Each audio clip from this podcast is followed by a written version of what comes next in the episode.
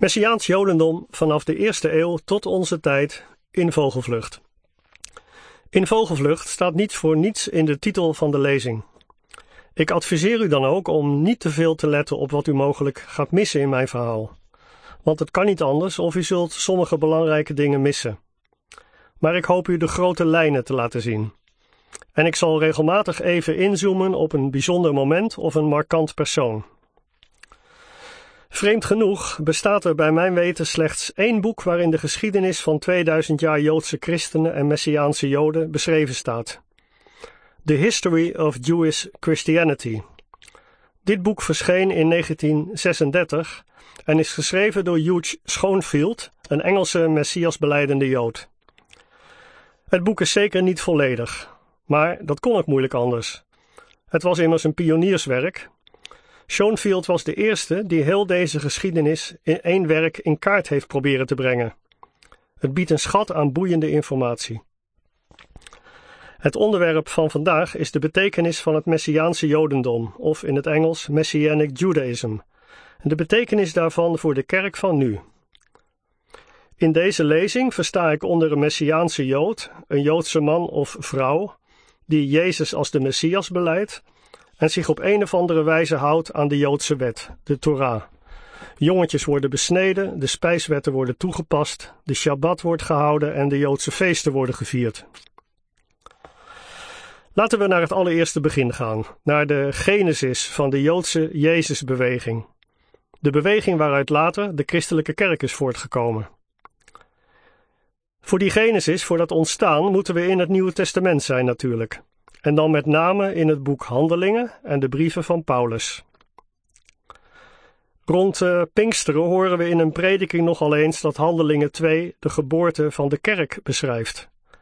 Maar dat is echt, toch echt een te simpele voorstelling van zaken. Wat we beschreven zien in het boek Handelingen is een nieuwe beweging binnen het Jodendom van die dagen. Het Jodendom was in die dagen verre van eenvormig. Het was springlevend, vol dynamiek en kende veel verschillende bewegingen. Een paar bekende zijn de Essenen, de Fariseeën, Sadduceeën en Zeloten. Die allereerste Joodse Jezusgelovigen, laten we ze even zo noemen, vormden eveneens een vernieuwingsbeweging binnen het Jodendom in de eerste eeuw. Het was een vernieuwingsbeweging die net als andere Joodse bewegingen in die tijd, in die tijd van bezetting en vaak vrede Romeinse onderdrukking, uitzag naar de verlossing van Israël door de Messias. Dat was natuurlijk ook de achtergrond van hun vraag in Handelingen 1. Waar de discipelen vragen aan Jezus: Heere, herstelt u in deze tijd het koningschap voor Israël? Een groeiend aantal theologen komt de laatste jaren tot de overtuiging dat ook de apostel Paulus een Torah onderhoudende Jood was, een Jood die zich hield aan de Joodse wet. In handelingen zien we natuurlijk vooral door de prediking van Paulus veel heidenen tot de nieuwe beweging toetreden. Maar de Joodse apostelen en discipelen, zij blijven tot de vernietiging van de Tweede Tempel in het jaar 70 de hoofdrol spelen in de jonge nieuwe beweging. Denk naast Paulus onder meer aan Petrus, Jacobus, Barnabas en Timotheus. Ze noemden zichzelf natuurlijk niet zo, maar we zouden ze met recht Messiaanse Joden mogen noemen. Joden die geloven dat Jezus de Messias is en die zich aan de Mosaïsche wetten houden. Het is verhelderend om even stil te staan bij wat Mark Kinzer schrijft over het besluit van de apostelen in Handelingen 15. Mark Kinzer legt er terecht de vinger bij dat de vraag of de heidenen die tot geloof waren gekomen zich nu ook aan de Torah moesten houden, dat die vraag alleen maar een punt van heftige discussie heeft kunnen worden, omdat het voor iedereen vaststond dat de gelovige Joden dat in ieder geval wel moesten. Want zou een Jood die in Jezus geloofde niet langer verplicht geweest zijn om zich aan de Torah te houden, dan was er immers geen enkele reden voor een hele discussie over de vraag of de heidenen zich aan de Torah zouden moeten houden. De Joodse gelovigen vormden in de tijd voor het jaar 70, 70 dus nog de meerderheid in deze nieuwe beweging binnen het Jodendom.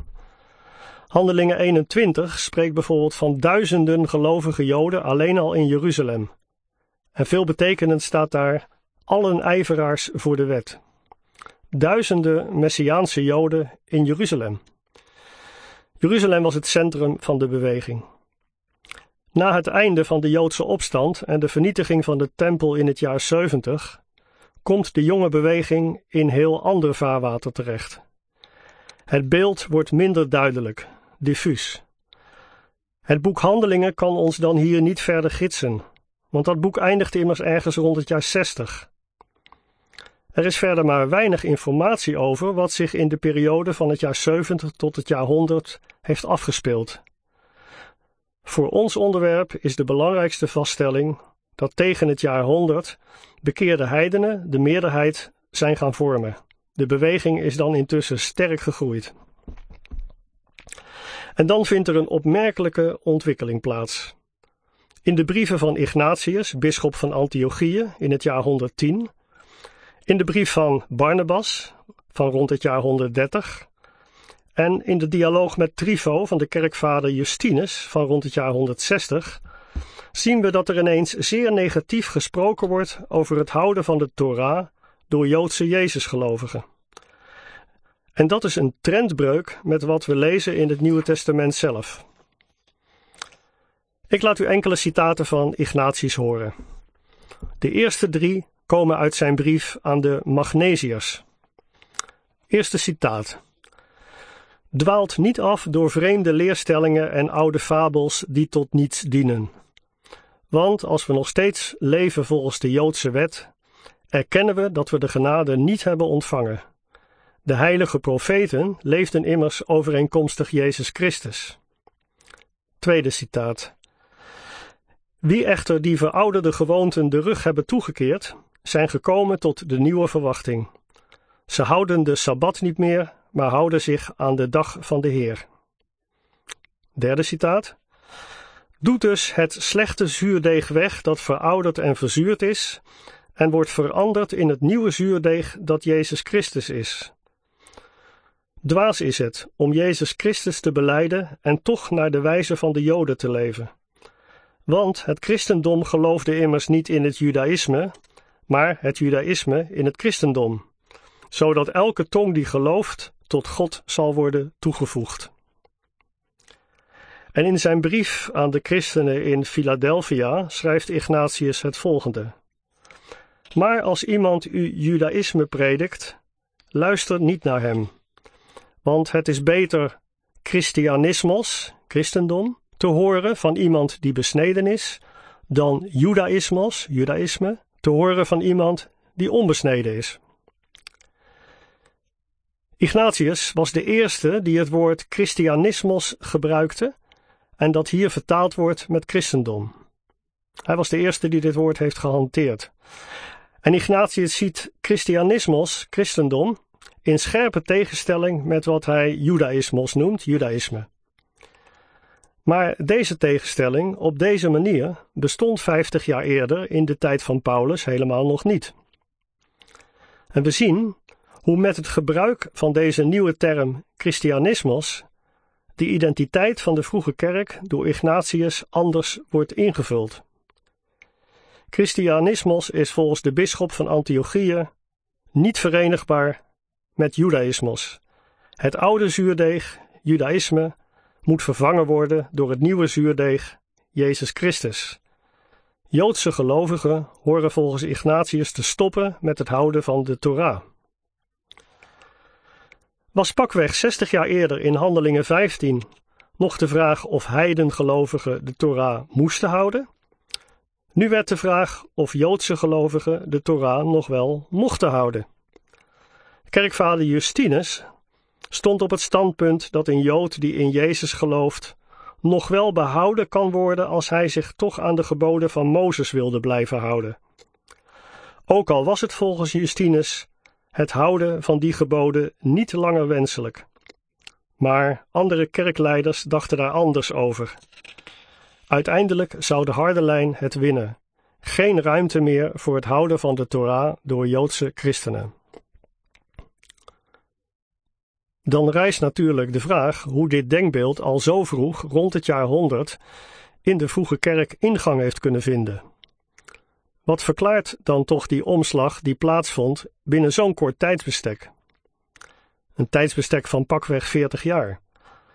Het antwoord vinden op deze vraag is niet eenvoudig.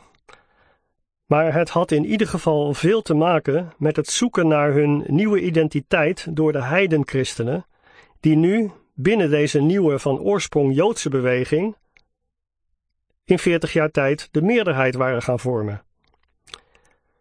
De grote opstand van de Joden tegen de Romeinen en de verwoesting van de tempel in het jaar 70 hebben ook een grote rol gespeeld.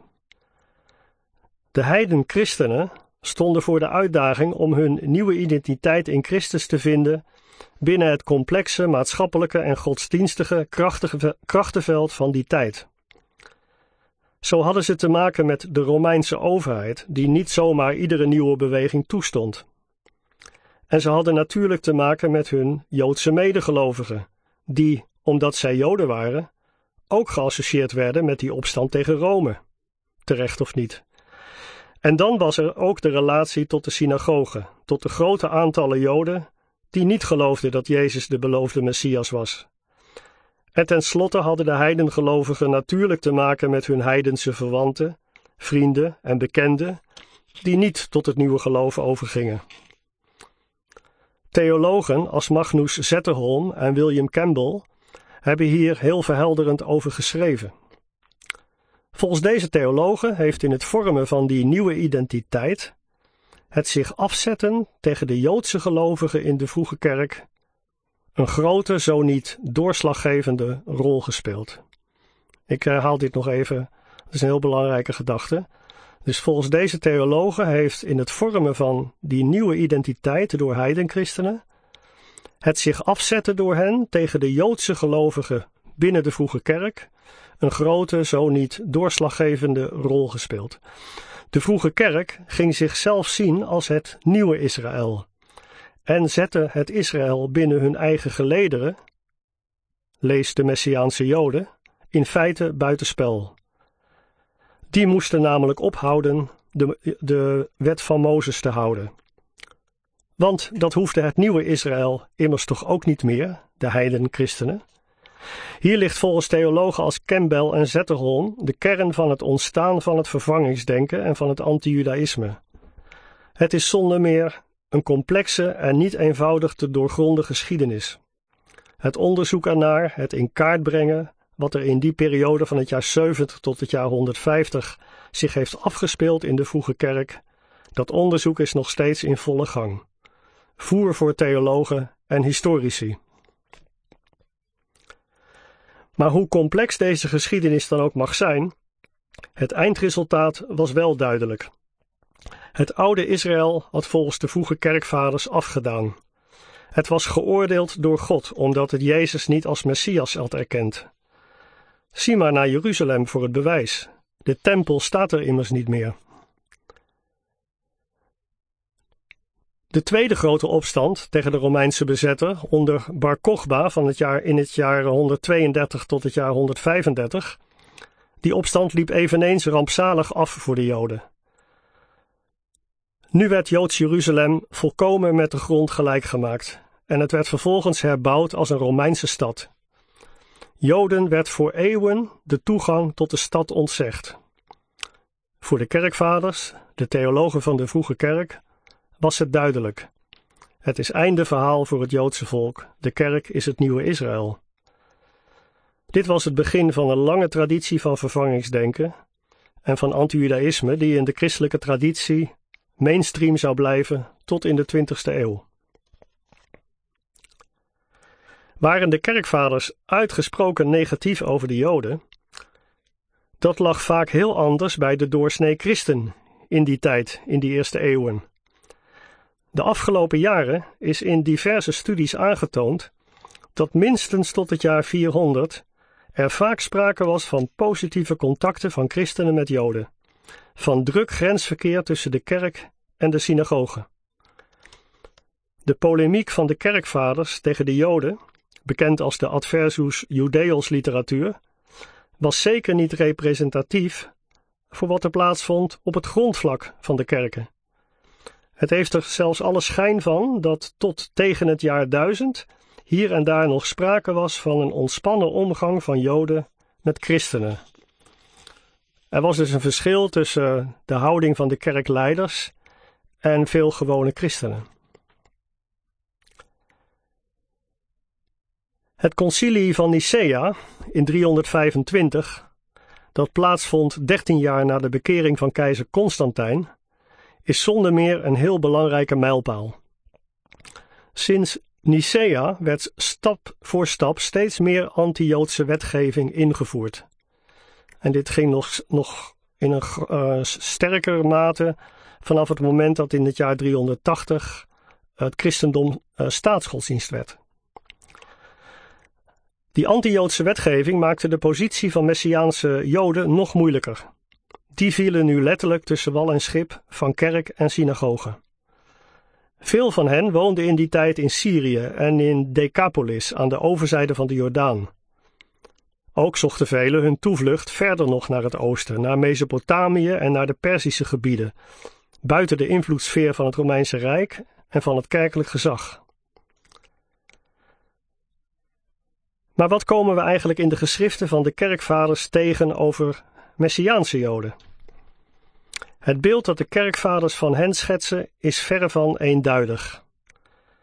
De voortreffelijke studie Verus Israël van de Franse historicus Marcel Simon en het boek Jewish Believers in Jesus onder redactie van Oscar Scarzaune. Deze twee boeken geven voor zover de schaarse bronnen het mogelijk maken een zo goed mogelijk beeld van die Messiaanse Joden in die eerste eeuwen. Simon en Scarzaune noemen met name de kerkvader Origenes als een van de meest betrouwbare bronnen als het gaat om informatie over de Messiaanse Joden. Origenes schrijft over Joodse christenen, die volgens hem doorgaans Ebionieten genoemd werden. Eerder al had kerkvader Irenaeus aan het eind van de tweede eeuw ook al over Ebionieten geschreven. De kerkvader Hieronymus schrijft eind van de vierde eeuw over Joodse christenen die volgens hem Nazareners werden genoemd. Hieronymus, die in Palestina woonde, schetst een beeld van Joodse gelovigen die er een orthodox christelijk geloof op nahouden en zich eigenlijk alleen maar onderscheiden van andere christenen door hun Joodse levensstijl. Het is zeer waarschijnlijk dat Ebionieten en Nazareners namen zijn voor min of meer dezelfde categorie Joodse christenen. Er was onder hen waarschijnlijk geen sprake van fundamentele leerverschillen. Marcel Simon en Scarzaune benadrukken beide wel dat het Joodse christendom in de vroege kerk zeker divers was. Maar die diversiteit zat volgens hen meer in de Joodse levensstijl dan in de leer. Het specifieke karakter varieerde afhankelijk van plaats en tijd. Er was niet zoiets als één Joods christendom. Net zo min als er in die tijd één enkel Jodendom of één enkel christendom bestond. Vandaag is het niet anders. Vermeldenswaard is het volgende citaat uit de vierde eeuw van Epiphanius over de Nazarenen. Citaat.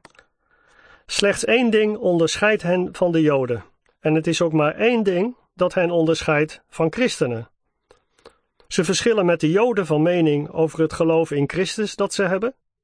Ze onderscheiden zich van christenen omdat ze zich nog gebonden achten aan de wet, waaronder de wet van de besnijdenis, het houden van de Sabbat en de rest. Van Hieronymus is het volgende vaak geciteerde citaat. Citaat. In onze dagen bestaat er een secte onder de Joden in al de synagogen in het oosten, die de secte van de Minim wordt genoemd. Ze wordt veroordeeld door de Fariseeën. De aanhangers van deze secte worden doorgaans Nazareners genoemd. Ze geloven in Christus, de Zoon van God, geboren uit de Maag Maria, en ze zeggen dat hij die geleden heeft onder Pontius Pilatus en is opgestaan, dezelfde is als in wie wij geloven. Maar terwijl ze verlangen om zowel Joden als christenen te zijn, zijn ze het geen van beide. Let u dus vooral op die laatste woorden. Ze zijn het geen van beide, nog Joden, nog christenen. Al dus Hieronymus. Met andere woorden, deze Nazareners hebben eigenlijk geen bestaansrecht. Ze hebben geen benen om op te staan, ze zijn vlees nog vis. Beide citaten stammen eind, uit eind 4e, begin 5e eeuw. De scheidslijnen tussen de kerk en de synagoge zijn dan na Nicea scherp getrokken. Voor zoiets als een Joods christendom is nu echt geen ruimte meer binnen de kerk. Het hoeft ons dan ook niet te verbazen dat de resterende Messiaanse Joden het in de eeuwen die volgden steeds moeilijker kregen. Ze stonden er alleen voor. Geen steun van de kerk, geen steun van de synagogen. In het oosten deed de komst van de islam hen geen goed, in de zevende eeuw. In het westen werd hen door het tweede concilie van Nicea in 787 de duimschroeven verder aangedraaid. Dit tweede concilie van Nicea in het jaar 787 is toch wel een belangrijk moment. Hier wordt de lijn die in de tweede eeuw al gekozen was, uiteindelijk ook in kerkelijke wetgeving vastgelegd. Het feit dat de kerk het nodig vond het verbod op Joodse praxis nu bij wet vast te leggen, is volgens mij een aanwijzing dat er ook toen nog steeds Joodse christenen waren die zich aan de Joodse wet hielden. Want wanneer zij toen al volkomen van het toneel verdwenen waren, dan was die wetgeving immers volkomen overbodig geweest. Ik citeer uit de besluiten van dit concilie. Aangezien sommigen die dwalen in het bijgeloof van de Hebreeën hebben gemeend Christus onze God te mogen bespotten, en terwijl ze veinzen bekeerd te zijn tot de religie van Christus hem ontkennen, en in hun eigen huizen in het geheim de Sabbat houden en zich in het geheim houden aan andere Joodse gewoonten, besluiten wij bij deze dat zulke personen niet worden toegelaten tot de communie, dat ze niet mogen deelnemen aan de gebeden, noch in de kerk mogen worden toegelaten. Maar laat dergelijke mensen openlijk Hebreeën zijn volgens hun religie, en laat hen niet hun kinderen brengen om gedoopt te worden. Evenmin mogen ze een slaaf kopen of bezitten. Maar als iemand van hen uit een oprecht hart en in geloof is bekeerd, en het geloof beleidt met heel zijn hart, volledig afstand doet van hun gewoontes en gebruiken, zodat anderen overtuigd en bekeerd worden, zo iemand moet toegelaten en gedoopt worden. En zie erop toe dat hen geleerd wordt dat ze er zorg voor dragen zich ver te houden van de voorschriften van de Hebreeën. Maar als ze dit niet zullen doen, laat hen dan nooit in de kerk ontvangen worden. Tot zover de tekst uit dit concilie, een gedeelte van de tekst. Joden die in die tijd tot de kerk wilden toetreden, moesten een speciale geloofsbeleidenis doen alvorens ze als christen werden erkend en geaccepteerd. Ik laat u een gedeelte uit zo'n beleidenis horen. Citaat. Ik doe afstand van alle gebruiken, ceremonies, mosaïsche wetten, ongedecemde broden, het offeren van lammeren door de Hebreeën en al de andere feesten van de Hebreeën, offers, gebeden, besprenkelingen, reinigingen, heiligingen en zoenoffers en dagen van vasten en nieuwe maanden en sabbatten en bijgeloven en gezangen en liederen en plechtigheden en synagoges en het eten en drinken, drinken van de Hebreeën. In één woord, ik verwerp en doe afstand van absoluut alles dat Joods is, iedere wet, iedere religieuze plechtigheid en gewoonte.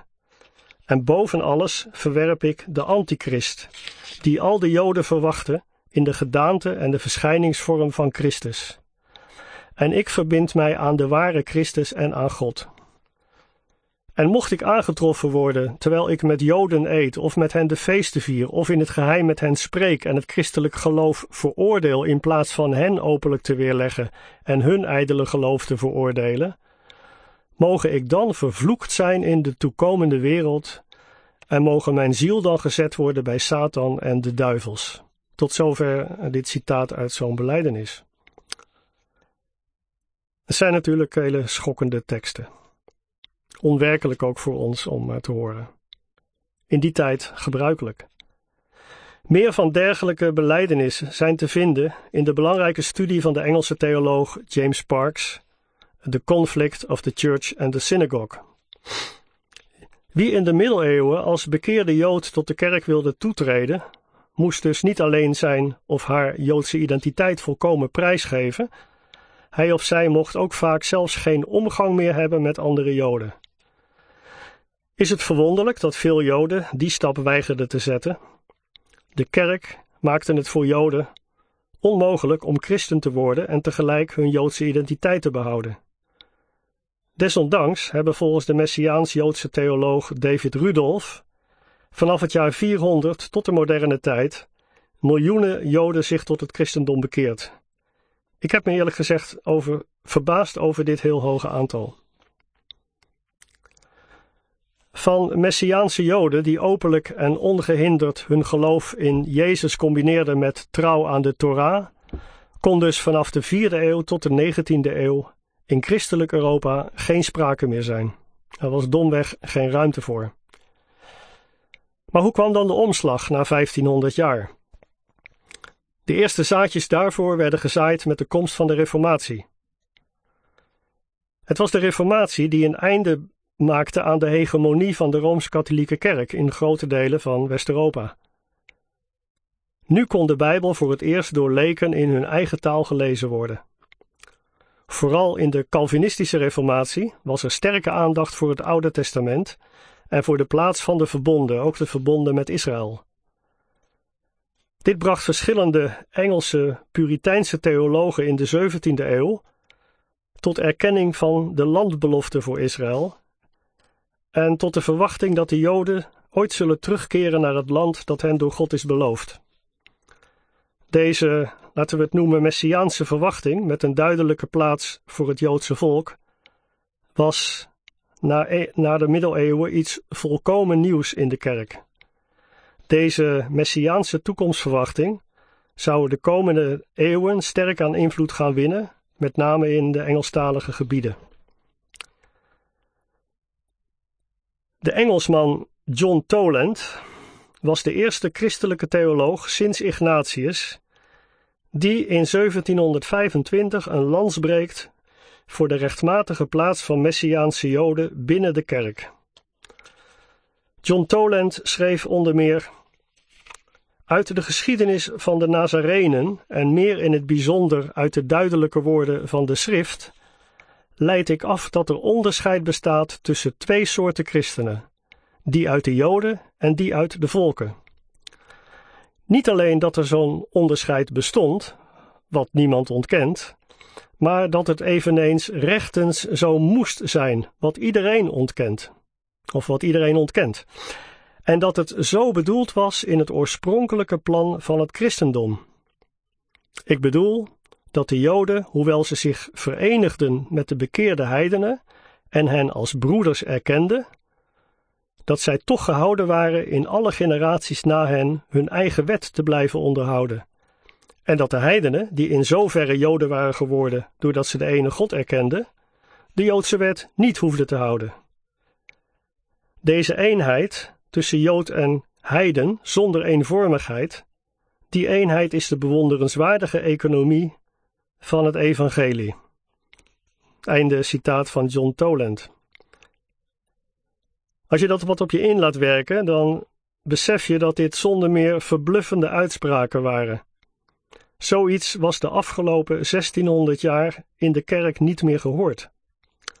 John Toland was de eerste die dit zag. Hij was zijn tijd ver vooruit. En dan gebeurt er tien jaar later, in 1735, iets dat minstens zo verbluffend was. De bekende opwekkingsprediker, graaf Ludwig von Zinzendorf, stichtte dan in Herrnhut in Zuid-Duitsland een zogenaamde Judenkehille, een Joodse gemeente. Binnen de bestaande christelijke broedergemeente, gesticht door de Moravische broeders, verschaft Zinzendorf Joodse christenen dan al de ruimte om zich aan de Joodse wet te houden. Zoiets was binnen de kerk sinds Nicea niet meer voorgekomen. Zinzendorf zou later zijn strategie verder aanpassen, toen hij tot de conclusie kwam dat het nog beter zou zijn als deze Judenkehille een van de kerk onafhankelijke positie zouden krijgen binnen de Joodse gemeenschap zelf. Dat was nog revolutionairder. Er werden plannen gemaakt om een dergelijke Joodse gemeente ook in Londen te vestigen. In 1775 hadden de Moravische broeders volledig autonome Joodse gemeentes helpen stichten in Duitsland, Engeland en Zwitserland. Deze Moravische broeders of herrenhutters hebben in de 18e eeuw en ook in de 19e eeuw allerlei indrukwekkend vernieuwend pionierswerk verricht op het gebied van zending. En dit was daar zeker ook een staaltje van. Dan is de 19e eeuw zonder meer de eeuw van de doorbraak geweest. De Franse Revolutie bracht de Joden in die 19e eeuw voor het eerst in veel West-Europese landen burgerrechten. Voor het eerst sinds eeuwen. Want die hadden ze nooit. Dit gaf hun de mogelijkheid om zich eindelijk op, op min of meer gelijk speelveld in de maatschappij te gaan bewegen. Dus ook de mogelijkheid om in vrijheid de stap naar het christendom te doen, zonder de verplichting om hun Joodse identiteit prijs te geven. Dit was tevens de eeuw dat met name in Engeland heel veel christenen sterk geïnteresseerd waren geraakt in de Bijbelse profetieën aangaande Israël en in alles wat met het Jodendom te maken had. Die 19e eeuw was ook de zendingseeuw. Er is in deze eeuw ook onder de Joden in Engeland en elders in Europa veel zending bedreven. Er werd sowieso dus ontzettend veel zending bedreven in de 19e eeuw, niet alleen onder Joden. Kenmerkend voor deze zendingsgenootschappen die zich op de Joden richten, was dat zij vrij waren van het oude anti-Judaïsme. De zending werd bedreven met respect en uit liefde voor het Joodse volk. En dat was echt iets nieuws voor Joden. En niet weinigen stonden open voor een evangelie dat op deze wijze werd gebracht. Een van de eerste zendingsgenootschappen was de in 1809 opgerichte London Society for Promoting Christianity Amongst the Jews.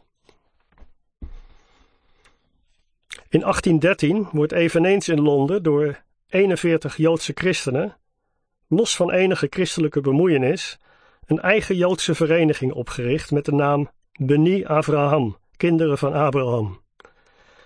Naast de diensten en gebedsbijeenkomsten die ze hielden, werden dagelijks door hen de zieken bezocht. Dagelijks. Ook is er veel aandacht voor Joodse bekeerlingen en voor Joden die meer over het evangelie willen weten. Heel bijzonder ook in die 19e eeuw is dat in 1841 vanuit Engeland, met toestemming van de sultan in het Ottomaanse Rijk, dat met toestemming van de sultan het eerste Anglikaanse bisdom in Jeruzalem wordt opgericht in 1841. Christchurch bestaat nog steeds. Michael Solomon Alexander, een Joodse christen, wordt dan beroepen als eerste bisschop. Dan is dus voor het eerst sinds het jaar 135 en de verwoesting van Jeruzalem opnieuw een Joodse christen bisschop in Jeruzalem. Voorwaar een historisch moment. Ik kan natuurlijk lang niet alles noemen. Er gebeurt ineens zoveel in de 19e en ook in de 20e eeuw. Ik kan alleen de meest belangrijke personen en initiatieven noemen.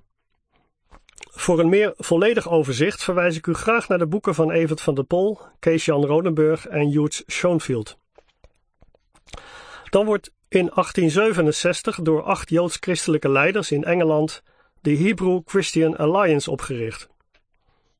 Bij de oprichting zegt een van de sprekers: Laten we onze identiteit niet opgeven. Wanneer we Christus beleiden, houden we niet op Joden te zijn. En de initiatiefnemer, Dr. Schwartz, schreef achteraf: We mogen met vrijmoedigheid zeggen dat een dergelijke bijeenkomst van uitsluitend Joden die zo samenkwamen, sinds de vroege kerk niet meer is voorgekomen. Een van de meest markante Joden uit die, uit die tijd, uit de tweede helft van de 19e eeuw, is Jozef Rabinovich geweest. Jozef Rabinovich woonde in Kishinev, de hoofdstad van het huidige Moldavië. Getriggerd door de vreselijke pogroms in zijn tijd in Oost-Europa, ging hij in 1882 polshoogte nemen in Palestina om te onderzoeken welke mogelijkheden daar waren voor Joden om zich te vestigen. In Palestina dus. Toen hij op een dag vanaf de Olijfberg neerkeek op Jeruzalem, kreeg hij ineens in een flits als vanuit het niets de gedachte: de sleutel tot het heilige land is in de handen van onze broeder Jezus. En bedenk dat hij uh, geen christen was. Dit sloeg bij hem in als de spreekwoordelijke bom. Rabinowitz keert vervolgens met zijn nieuw gevonden geloof in Jezus terug naar Kishinev en gaat meteen onder zijn medejoden met kracht het evangelie prediken. In korte tijd krijgt hij veel volgelingen, ook in andere steden. Dan bieden verschillende kerkgenootschappen die hierover horen hem een predikantplaats aan, maar daar gaat hij niet op in. Jozef Rabinowitz sticht een Joodse christelijke synagoge. De besnijdenis, de Sabbat, Pesach en het wekenfeest werden gehouden. En hij sluit zich met zijn beweging principieel bij geen enkel kerkgenootschap aan. Dat was eh, revolutionair. Voor hem was geloof in Yeshua geen christelijke, maar een intern Joodse aangelegenheid. Jezus, de Jood, was immers een van hen. De beweging van Rabinowitz trok internationaal in de zendingswereld heel veel aandacht. Veel zendingsgenootschappen waren gefascineerd door deze puur Joodse Jezusbeweging. Het was een volkomen nieuw fenomeen. Tegenwoordig wordt Rabinowitz als een van de belangrijkste wegbereiders van het moderne Messiaanse Jodendom gezien. Een andere bijzonder markante figuur uit diezelfde tijd uh, is de Hongaarse rabbi Isaac Lichtenstein. Isaac Lichtenstein kwam na jaren als rabbi gediend te hebben, na lezing van het Nieuwe Testament, tot de overtuiging dat Jezus de Joodse Messias is. Vervolgens blijft hij dan gewoon rabbi en begint notabene in zijn synagoge vanuit het Nieuwe Testament over Jezus te spreken. Verschillende van zijn gemeenteleden, Joodse gemeenteleden, staan open voor wat hij vertelt. Natuurlijk komt er ook verzet, maar Liechtenstein heeft nog een aantal jaren als rabbi kunnen aanblijven in zijn eigen synagoge. Hij heeft zich nooit willen laten dopen. Dat werd immers door hem gezien en door andere Joden ook vaak als overgaan naar de kerk. Net als Rabinowitz zag Liechtenstein het geloof in Jezus als iets volkomen Joods. Na de Eerste Wereldoorlog blijkt dan dat er tijdens die oorlog in Oost-Europa tienduizenden Joden tot geloof in Jezus waren gekomen. Mede daarom wordt dan in 1925 de International Hebrew Christian Alliance opgericht. Er wordt dan een grote internationale conferentie gehouden, waar maar liefst 18 landen vertegenwoordigd zijn, waaronder ook Nederland. Deze alliance droeg sterk bij aan de verdere verspreiding van het evangelie onder vooral de Oost-Europese Joden. Ook in de jaren 30 komen dan nog duizenden, zo niet tienduizenden Joden in Midden- en Oost-Europa tot geloof in Yeshua. Het merendeel van hen zou in de jaren 40 door de nazi's vermoord worden. Dan maak ik een sprong naar het jaar 1967. De staat Israël is intussen een feit. Ook in de Verenigde Staten waren veel christenjoden die zichzelf in de VS Hebrew Christians noemden. Hoewel zij wel probeerden om hun Joodse identiteit als christenen vast te houden, lukte dat vaak niet. Met name hun kinderen lieten het Jodendom al vaak helemaal los. Het verdween dus met de generaties. Maar de spectaculaire overwinning van Israël in de Zesdaagse Oorlog in 1967 bleek een sterke aanjager voor een zelfbewuste Joodse identiteit, vooral onder veel jonge Amerikaanse Joden. Eind jaren 60 komen dan veel van de jonge Amerikaanse Joden tot geloof in Jezus. Er werd zelfs gesproken van een echte opwekking. Het ging om heel veel, vele. Deze jonge generatie koos radicaal voor een voluit Joodse levensstijl. Zij combineerden het geloof in Yeshua met het houden van de Torah, met een Messiaans-Joodse halacha. De oudere generatie, die dat niet gewend was, wilde daar doorgaans niet aan. Maar de jongeren waren vastbesloten op verandering uit. Ze zouden als Joden in Jezus geloven. Onder invloed van deze ontwikkeling veranderde de Hebrew Christian Alliance of America in 1975 haar naam in Messianic Jewish Alliance of America. Dus van Hebrew Christian Alliance naar Messianic Jewish Alliance. In 1917 had diezelfde alliance het Messiaans Jodendom nog als volkomen onaanvaardbaar voor Joodse Jezusgelovigen afgewezen. In die tijd moest men niets hebben van het houden van de Joodse wet als Joodse christen. Maar nu in 1975 ging onder druk van de jongere generatie het roer om. In 1979 wordt dan in dezelfde geest in Amerika de Union of Messianic Jewish Congregations opgericht. Dat is allemaal heel recent dus. In 1986 wordt dan ook nog de International Alliance of Messianic Congregations and Synagogues opgericht. In 2012 waren bij deze laatste twee organisaties meer dan 200 Messiaans-Joodse synagoges aangesloten. Daarnaast zijn er wereldwijd nog minstens 300 die onafhankelijk opereren of die bij kleinere netwerken zijn aangesloten. Dan wil ik deze lezing graag afsluiten met een citaat van David Rudolph. David Rudolph is een goede vriend van Mark Kinzer. En hij is een van de belangrijkste Messiaans-Joodse theologen van dit moment. Het citaat is van David zelf en komt uit zijn boek Introduction to Messianic Judaism. Citaat. Net zoals het wonder dat de staat Israël na 2000 jaar weer onderdeel uitmaakt van de wereldgemeenschap, is ook de Messiaans-Joodse gemeenschap hersteld en teruggebracht bij de joods-christelijke wereld na een afwezigheid van meer dan 1600 jaar. Eeuwenlang heeft de kerk en de synagoge het Messiaans Jodendom gemarginaliseerd en het behandeld als iets dat er niet mocht zijn. Vandaag de dag zijn er tekenen dat dit aan het veranderen is. Einde citaat van Rudolf. Er zijn steeds meer tekenen van deze verandering. Het Messiaans Jodendom, hoe jong het ook is, is in al zijn diversiteit springlevend en sterk in ontwikkeling. David Rudolf is zelf een teken van deze verandering. Hij is gepromoveerd aan de Universiteit van Cambridge in New Testament Studies en hij is nu director van Messianic Jewish Studies aan King's University in Dallas.